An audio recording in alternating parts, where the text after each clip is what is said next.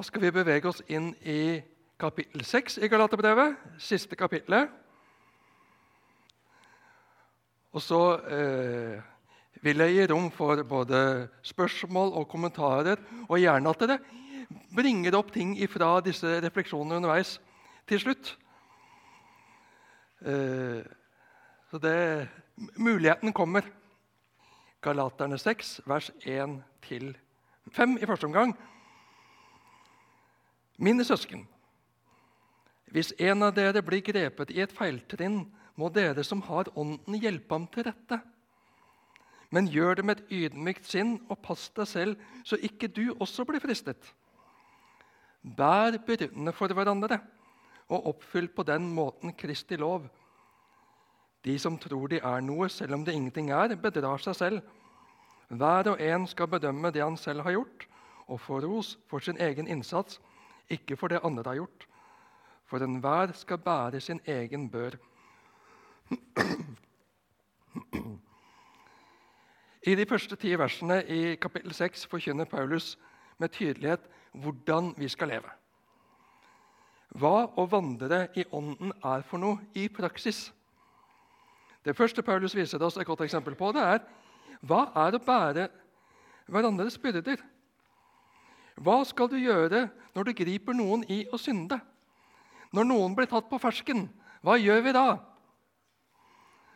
Apostelen gir veiledning for en slik situasjon.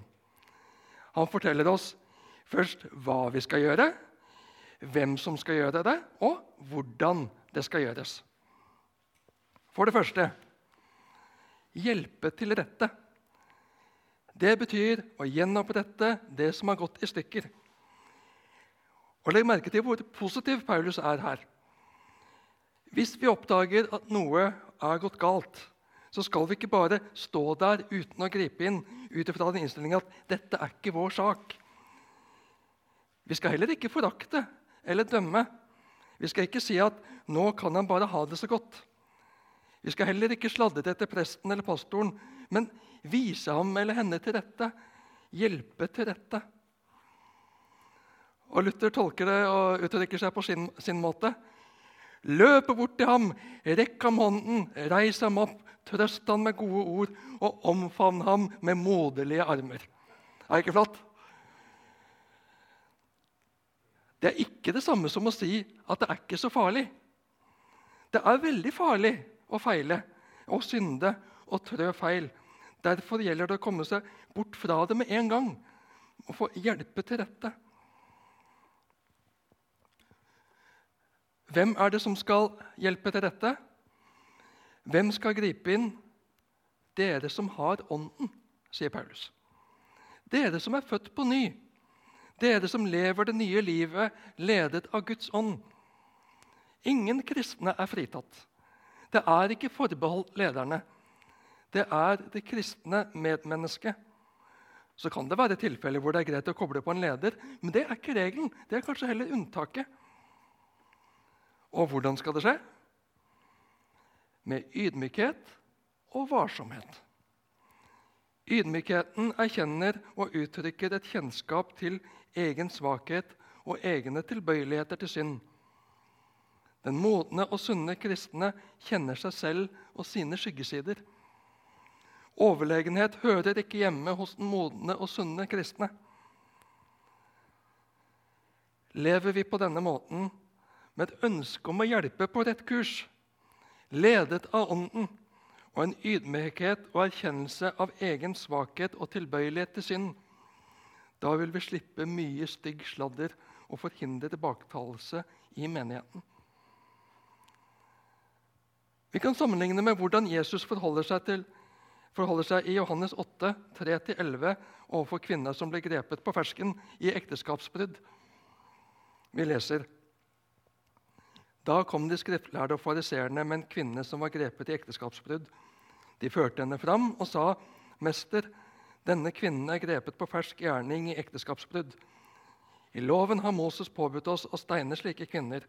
'Men hva sier du?' Dette sa de for å sette ham på prøve, så de kunne få noe å anklage ham for. Jesus bøyde seg ned og skrev på jorden med fingeren. Men da de fortsatte å spørre, rettet han seg opp og sa, 'Den av dere som er uten synd, kan kaste den første steinen på henne.' Så bøyde han seg ned igjen og skrev på jorden. Da de hørte dette, gikk de bort, én etter én, de eldste først. Til slutt var Jesus igjen alene igjen, og kvinnen sto foran ham. Da rettet han seg opp og spurte, 'Kvinne, hvor er De? Har ingen fordømt deg?' Hun svarte, 'Nei, Herre, ingen.' Da sa Jesus, 'Heller ikke jeg fordømmer deg. Gå bort og synd ikke mer fra nå av.' Her hører vi om ei kvinne som er grepet på fersken i det mest intime. Så kan vi spørre oss hva er hensikten med pågripelsen. Hva er det de vil oppnå? Og hva er det vi vil oppnå når vi påpeker noe som er galt? Er det først og fremst å markere hvor forferdelig dette er? Og ta et oppgjør med det gale? Eller er det å berge mennesket? Og på, en slik måte at det oppleves slik, som omsorg og hjelp. Og Derfor skal du få reflektere litt eh, igjen. Hvilke erfaringer har vi med folk som er blitt grepet i feiltrinn og irettesatt i våre sammenhenger? Hva var bra? Hva var ikke bra? Hva ville du gjort annerledes?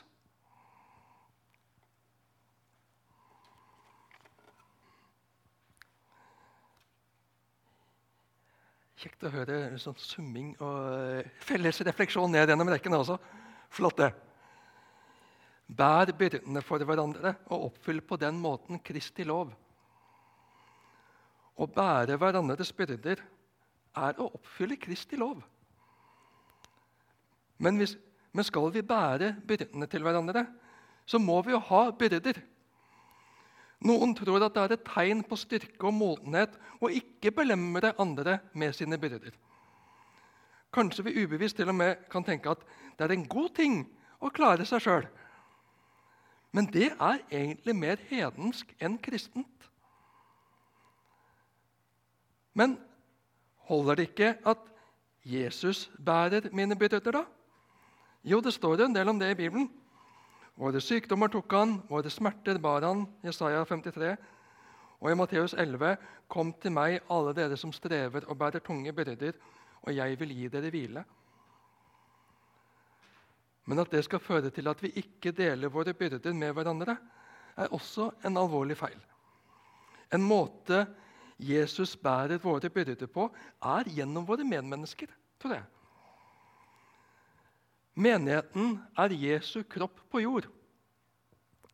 Menneskelig vennskap der vi bærer hverandres byrder, er en del av Guds plan for sitt folk. Derfor skal vi ikke holde våre byrder for oss selv, men dele dem med en kristen venn. Det å ha en nær, fortrolig venn som vi kan dele alt med, kanskje en medvandrer, kanskje en skriftebror eller skriftesøster, slik oppfyller vi altså Kristi lov. Bær byrdene for hverandre og oppfyll på den måten Kristi lov. Judaistene, som utfordret den sunne og sanne lære i menighetene i Galatia, innførte lovkrav som ble til byrder. Paulus forkynte en lovoppfyllelse som tok byrdene bort. Det er en stor tjeneste å være byrdebærer. Samtidig er det en tjeneste som alle kan påta seg. Det er en naturlig frukt av å leve i Ånden. Derfor, sa Luther, må den kristne ha sterke skuldre og kraftige ben. Altså sterke nok til å bære andres byrder. Sterk nok til det blir du kun ved å dele dine egne byrder med andre. Mer hedensk enn kristelig er det også å heve seg over andre. På den måten at en ikke vil nedlate seg til å støtte medmennesker. Derfor skal hver og en prøve sin egen gjerning, sier apostelen. Og enhver skal bære sin egen byrde. Hva betyr det? Står ikke det i motsetning til det å bære hverandres byrder? Nei, vi skal bære hverandres byrder, men det finnes en byrde vi ikke kan dele. Det er ansvaret vi har overfor Gud. På dommens dag kan du ikke overlate oppakningen til meg, og jeg kan ikke lesse min på deg. Vi står hver enkelt ansvarlige innenfor Gud. Vi avsluttet kapittel 5 med spørsmålet hvorfor sammenligner folk seg med andre? I stedet for å søke sin egenverdi i fellesskapet med andre kristne, hva er det Paulus ber galaterne om å gjøre her i begynnelsen av kapittel 6? Ikke overse de som har blitt fersket i en bestemt synd eller et bestemt syndemønster. Ikke lat som ingenting. Ikke tenk 'jeg har ikke noe med det'. Jeg skal ikke blande meg borti hans eller hennes privatliv. Samtidig så betyr ikke det at en skal være snar til å kritisere. Når vi vil hjelpe en annen med flisen i øyet, må vi være obs på den bjelka vi lett kan overse i vårt eget øye. Hva ber Paulus oss om å gjøre? Jo, prøv å hjelpe til rette.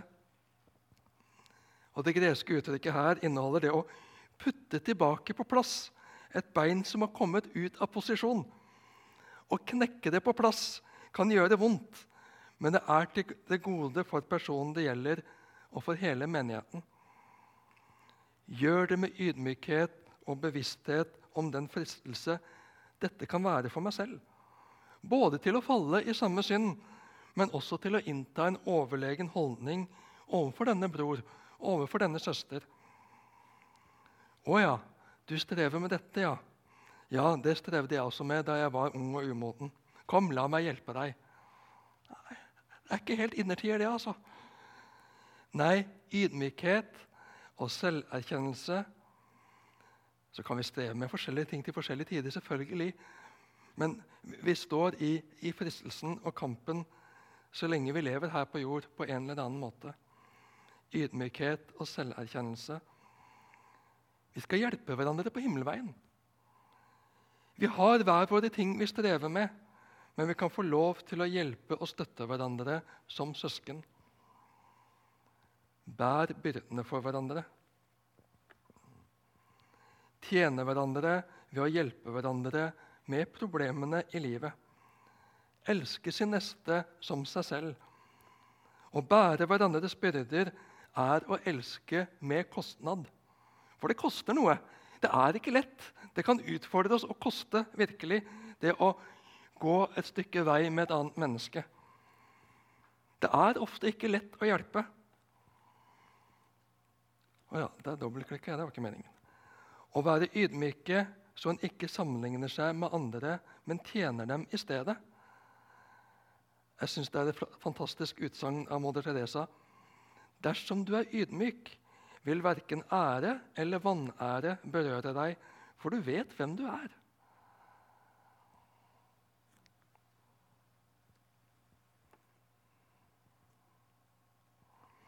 Denne holdningen, denne innstillingen, gjør oss også trege med å dømme. Og Timothy Keller sier det, han uttrykker seg på litt annen måte enn Monter Teresa, men det er et godt poeng der også. Hvis noen klapper til oss, skriver Timothy Keller, vil vi tenke vi vet ikke hva slags press de er under akkurat nå. Vi kjenner heller ikke deres kamp for selvkontroll. I deres situasjon og med deres karakter kunne jeg godt ha slått ned framfor å klappe til. Det kan godt hende at de adlyder Gud bedre enn meg i dag, gitt deres byrde. Det viser en innstilling og en mentalitet å lære av å strekke seg etter og bære byrdene for hverandre.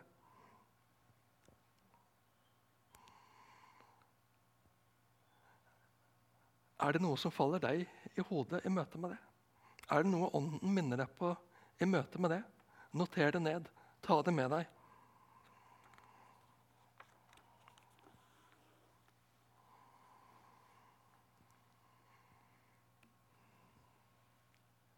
Den som får opplæring i ordet, skal dele alt godt med sin lærer. Far ikke vil, Gud lar seg ikke spotte. Det et menneske sår, skal det også høste. Den som sår i sitt eget kjøtt, høster fordervelse av kjøttet. Men den som sår i Ånden, høster evig liv av Ånden. La oss ikke bli trette mens vi gjør det gode. Når tiden er inne, skal vi høste, bare vi ikke gir opp. Så la oss gjøre det godt mot alle så lenge det er tid, og mest mot dem som er vår familie i troen. Dette er det type og da tenker jeg på innledning her, avsnitt som en ikke en, en, pastor, en predikant, trekker ikke fram sånn uten videre. Det må være at det, eh, det, inngår i en sammenheng, og da inngår det i en sammenheng. Så da kan, kan vi ikke holde, hoppe bukk over det. Men Paulus nærmer seg nå slutten av brevet. Han har gjort seg ferdig med hovedemnet i brevet. Men det er no, fortsatt noen ting som han vil si dem. Og Her møter vi prinsippet det et menneske sår, skal det også høste.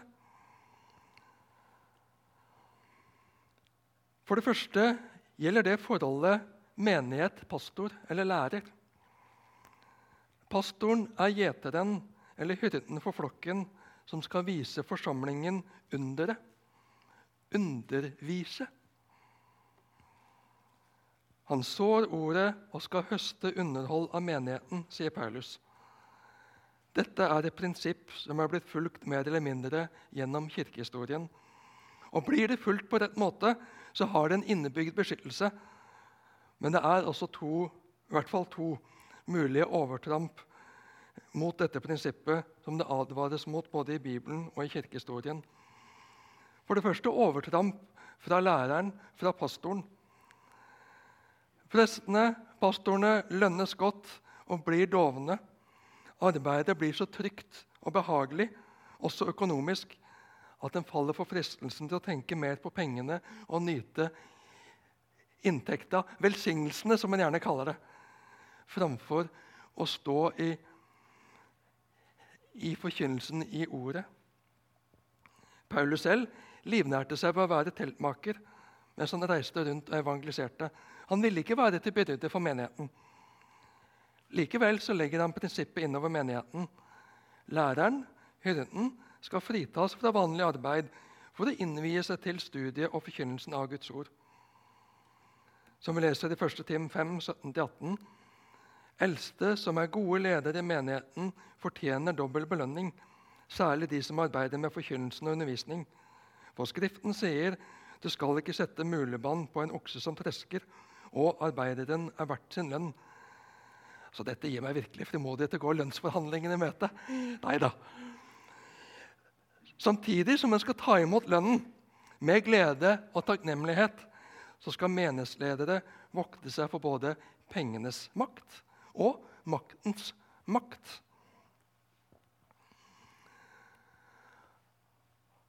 Og så er det advarsel mot overtramp fra, fra menighetens side. Menigheten kan opptre tyrannisk overfor sine ledere. Vi lønner organisten, så da skal vi bestemme musikken. Eller han får vær så god tale godt og spare oss for ubehageligheter, ellers så kniper vi igjen på givertjenesten. Det kan bli usunne bindinger om en bruker sin posisjon og sin makt på gal måte. Det gjelder begge veier. Paulus skriver videre at vi må så i Ånden og ikke i vår syndige natur. Det handler om helliggjørelsen. Å så i sin syndige natur er å degge for den. Å holde med våre onde lyster og gi det spillerom i stedet for å korsfeste dem. Om vi bærer nag til noen, hengir oss til hevntanker, bitterhet, selvmedlidenhet og trives med det, da sår vi i så fall i vår syndige natur. Og da vil en også høste åndelig fordervelse. Paulus gjentar det på ulike måter. Og så i Ånden er det samme som å vandre i Ånden eller å leve i Ånden. Det er å fylle seg med de gaver Ånden gir. Både ordet, bønnene, fellesskapet og nattverden er slike gaver. Gode vaner på dette området, både privat og i menighet, er gull verdt Jeg liker å snakke om hellige vaner. Uten å så i ånden kan det ikke bli en åndens høst. Paulus er tydelig. Det dreier seg om enten fordervelse eller evig liv. Derfor, la oss ikke bli trette av å gjøre det gode. Vi skal en dag høste av det. La oss ikke bli trette mens vi gjør det gode. Når tiden er inne, skal vi høste, bare vi ikke gir opp. Aktiv kristen tjeneste kan være slitsomt. Det kan kreve mye av oss. Mange ganger kan vi kjenne på fristelse til å gi opp. Men vi skal også en gang høste i sin tid. Hvis bonden blir trøtt så han ikke orker å så mer enn halve åkeren, ja, da blir det bare halv avling. En annen sannhet er at vi kan ikke så og høste samme dag. Kanskje blir vi litt utålmodige i denne effektivitetens tidsalder. At vi, vi vil se resultatet med en gang, og får vi ikke det, så, så gir vi opp. Så kutter vi ut. Nei, det er ikke bibelsk tankegang. Videre sier Paulus at vi skal gjøre godt mot alle, men mest mot dem som er våre søsken i troen. Charity, charity begins at home, sier et gammelt engelsk ordtak. Nestekjærligheten starter hjemme eller med familien. Det er viktig at, ikke har, at en ikke har fokus alle andre steder, så en ikke har tid og krefter til sin egen familie og egen menighet, den åndelige familien. Men vi skal heller ikke miste blikket utover menigheten og kristenflokken. Vi må ikke bli oss selv nok. Så la oss gjøre det godt mot alle så lenge det er tid. Vi har tidsaspektet med. Vi kommer ikke til å være her for alltid. Vårt hjemland er i himmelen. Men så lenge vi er her, så skal vi legge vind på å gjøre godt mot alle. Vi leser også om å være lys og salt, om å være Kristi vellukt. Og en utfordring til deg igjen. Hvordan er balansen i mitt liv, altså i ditt liv, mellom det kristne fellesskapet og det å være lys og salt i verden? Gruble litt på den. Reflekter litt for deg sjøl, og gjerne med sidemannen om du ønsker det. Nå har vi kommet til det siste avsnittet, avslutningen av Galaterbrevet. Men det er noen vers, altså, så jeg har litt på det.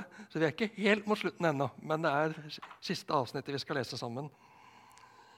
Se hvor store bokstaver jeg bruker når jeg egenhendig skriver dette til dere. De som vil tvinge dere til å omskjæres, er slike som vil ta seg godt ut blant mennesker, så de slipper å bli forfulgt pga. Kristi kors. De som lar seg omskjære, holder ikke selv loven. Likevel vil de at dere skal bli omskåret, så de kan være stolte av det som er gjort med kroppen deres. Men jeg vil aldri være stolt av noe annet enn vår Herre Jesu Kristi kors. Ved det er verden blitt korsfestet for meg, og jeg for verden. For det som betyr noe, er ikke å være omskåret eller uomskåret, men å være en ny skapning. Alle som følger denne rettesnoren, fred og barmhjertighet være med dem og med Guds Israel.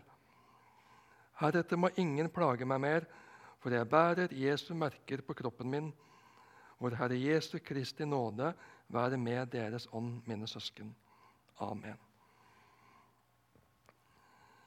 Til slutt så skriver Paulus med, med store bokstaver. Hvorfor gjør han det? Noen har koblet det opp mot uh, det som står i kapittel 4, vers 13-15, om sykdom og kanskje redusert syn. At fordi han ser dårlig, så må han øke skriftstørrelsen når han skriver sjøl, og ikke sekretæren. Eller kanskje det er for å understreke noe helt til slutt. For å få menighetene til å forstå viktigheten av det han har skrevet. Enda en gang tar han fram de prinsipielle temaene i evangeliet. Enda en gang tar han avstand fra judaistene, som han har argumentert mot fra ulike perspektiver gjennom, gjennom kapitlene, gjennom brevet. Igjen handler det om kjernen i den kristne tro. Er den kristne tro et ytre eller indre anliggende? Svaret til Paulus ligger gjennom hele brevet at kristendom er ikke en religion knyttet til ytre seremonier, men noe indre og åndelig, noe som berører hjertet. De som omskjærer, de er bare opptatt av å ta seg godt ut i det ytre, ligger under det som Paulus skriver. Mange kristne ønsker å være et forbilde, og det, det skal vi jo være. Men veien fra idealisme til hykleri er ikke alltid så lang. Når hvordan vi framstår, blir viktigere enn ærlighet, selvransakelse og oppgjør med synd i eget liv, da bommer vi på hva vi skal være, og, og hva vi skal lede mennesker til.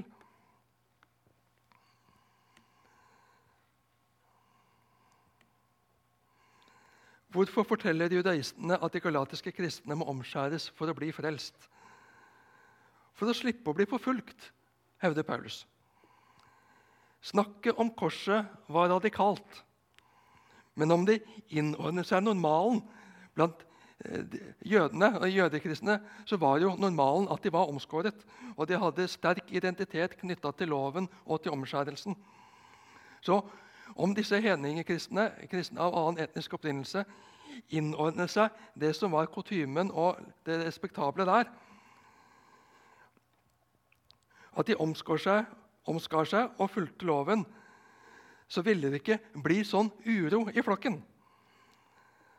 Verden foretrekker religion og moral generelt, men folk opplever det som en fornærmelse å bli fortalt at de er svake og for syndige til å frelse seg sjøl.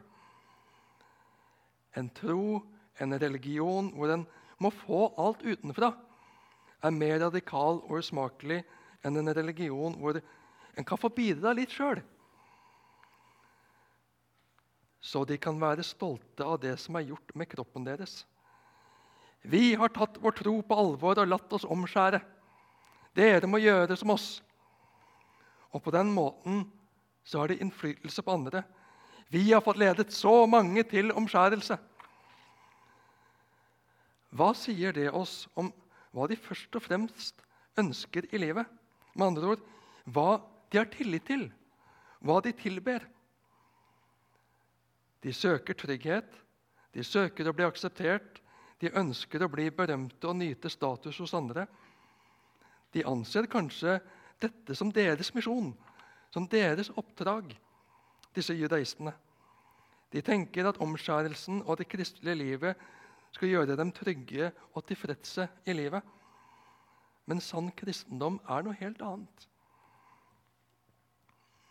Men jeg vil aldri være stolt av noe annet enn vår Herre Jesu Kristi kors. Ved det er verden blitt korsfestet for meg, og jeg for verden. For det som betyr noe, er ikke å være omskåret eller uomskåret, men å være en ny skapning. Hjertet i det som i virkeligheten er din religion, er hva du stoler på, løfter opp og er stolt av. Hva er det som til syvende og sist får deg til å føle at du er i rett relasjon til Gud?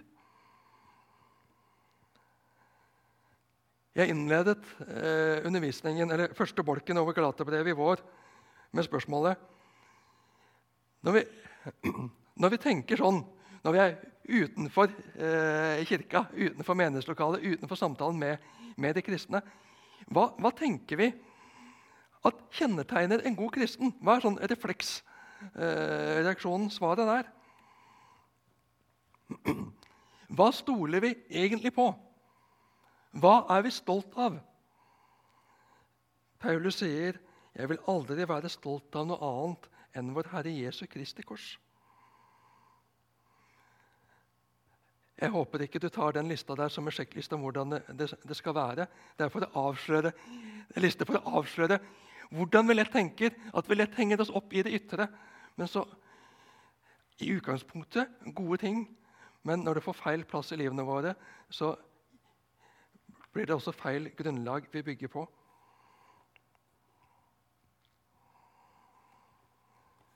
Jeg vil aldri være stolt av noe annet enn vår Herre Jesu Kristi kors. Han ser til Kristus, hvem han er, og alt han gjør, har gjort. Religiøse og moralske prestasjoner eller feil har egentlig ikke noen betydning. Hva som betyr noe, er å være en ny skapning og ha blitt gitt et nytt liv gjennom troen på Jesus og hans død i vårt sted. Derfor kan Paulus si at verden er blitt korsfestet for meg. Verden har ingenting å tilby han lenger. Verden har ingenting å tilby som han trenger, for han har alt i Kristus. Alt han trenger for å bli en kristen og for å leve som en kristen.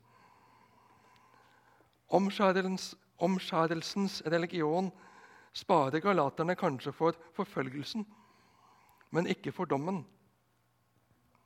Det teller ikke for Gud om en er omskåret eller uomskåret, om en er jøde eller greker, men bare om en er blitt til en ny skapning i Kristus Jesus. Det kan man bare bli ved å bøye seg ved korset der Jesus tok bort verdens synd. Alle som følger denne rettesnoren, fred og barmhjertighet være med dem og med Guds Israel. Rettesnoren, på gresk kanon, rettesnoren for alle galatere og kristne i alle byer og land er apostlenes lære. Også Paulus' lære er en del av denne apostlenes lære. Kun på troens rette grunn kan en eie fred og barmhjertighet. De som tar imot og står på dette, kaller Paulus Guds Israel. Det er Guds nye folk, det virkelige Israel, Guds paktsfolk i betydningen de frelste. Heretter må ingen plage meg mer for jeg bærer Jesu merker på kroppen min. Trolig er det merker han har pga. alle lidelsene han har måttet gjennomgå for Jesus skyld. I 2. Korinterbrev 11 så leser vi av jødene har jeg fem ganger fått de 40 slagene på ett nær. Tre ganger er jeg blitt pisket, én gang steinet, tre ganger har jeg lidd skipbrudd, og jeg drev en gang et helt døgn rundt på havet. Stadig har jeg måttet reise omkring i fare på elver og i fare blant røvere, i fare blant landsmenn og i fare blant utlendinger, i fare i byer, i fare i ørkenen, i fare på havet og i fare blant falske søsken, i slit og strev, ofte i nattevåk, i sult og tørst, ofte fasende og uten klær i kulden. Jeg bærer Jesu merker på kroppen min akkurat som slaver bar sin herres merke, som bar Paulus merker. Paulus vet hvem han er. Han er Kristi slave. Så la ingen stille flere spørsmål om hvem jeg er. Plag meg ikke mer med det. Det utfordret hans apostelautoritet i starten av brevet. Hvem han egentlig var, om han hadde noe, noe å komme med, noe autoritet. Og Dette skriver han som en siste formaning til dem som stilte spørsmålstegn ved hans autoritet. Han understreket den i, i kapittel 1.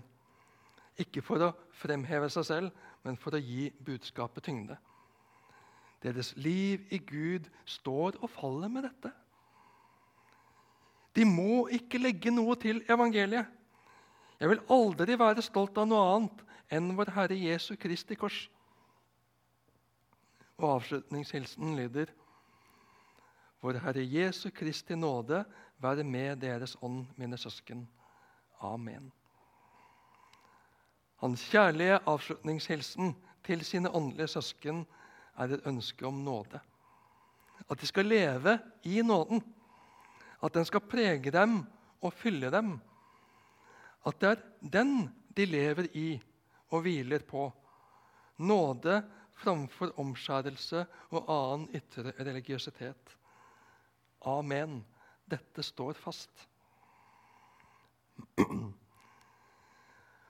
Og Før vi gir ordet eh, fritt til spørsmål, kommentarer, eh, hente inn ting fra refleksjonene, kanskje, så vil jeg at du skal ha en siste refleksjon på egen hånd. Eller tror man sånn? Hvordan vil du uttrykke Galaterbrevets budskap i én setning? I møte med, med ikke-troende får vi ikke stort rom til å komme med lang, lang forklaring. Men hvis du skal trekke ut essensen av Galaterbrevet, hvordan skal du uttrykke det i én setning? Og hvilke oppmuntringer og utfordringer vil du ta med deg fra Galaterbrevet i ditt liv, i din hverdag videre? Nå har dere hørt på meg vel og lenge. Nå, nå må dere få komme til ordet også.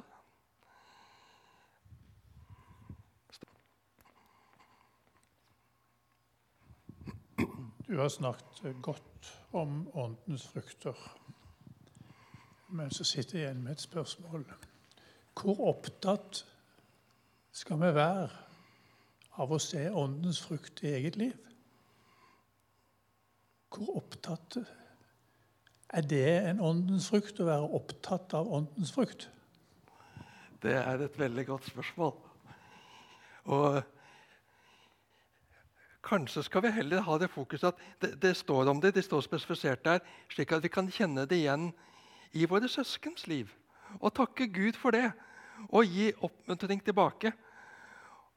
Og så kan vi kanskje få høre det sjøl fra våre søsken iblant.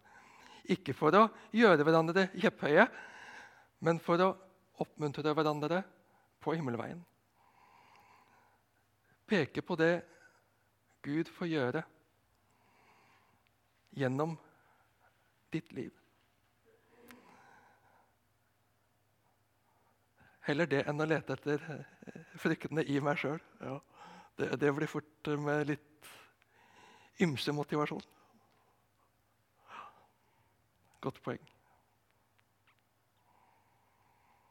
Trøtt i hodet, for å si det sånn, for jeg er veldig trøtt. Men, men, det, men når du sa 'hva sitter du igjen med', liksom, i Galaterbrevet, ikke sant? Da fikk jeg en setning som noe sånn Le, uh, Lev et liv i ånden, og gi ikke kjøttet rom. Og ros deg ikke av noe annet enn Jesus Kristus og Han korsfesta. Takk. Flott. Der har jeg lyst til å avslutte. Takk for i kveld. Vel hjem. Gå i fred og tjen Herren med glede.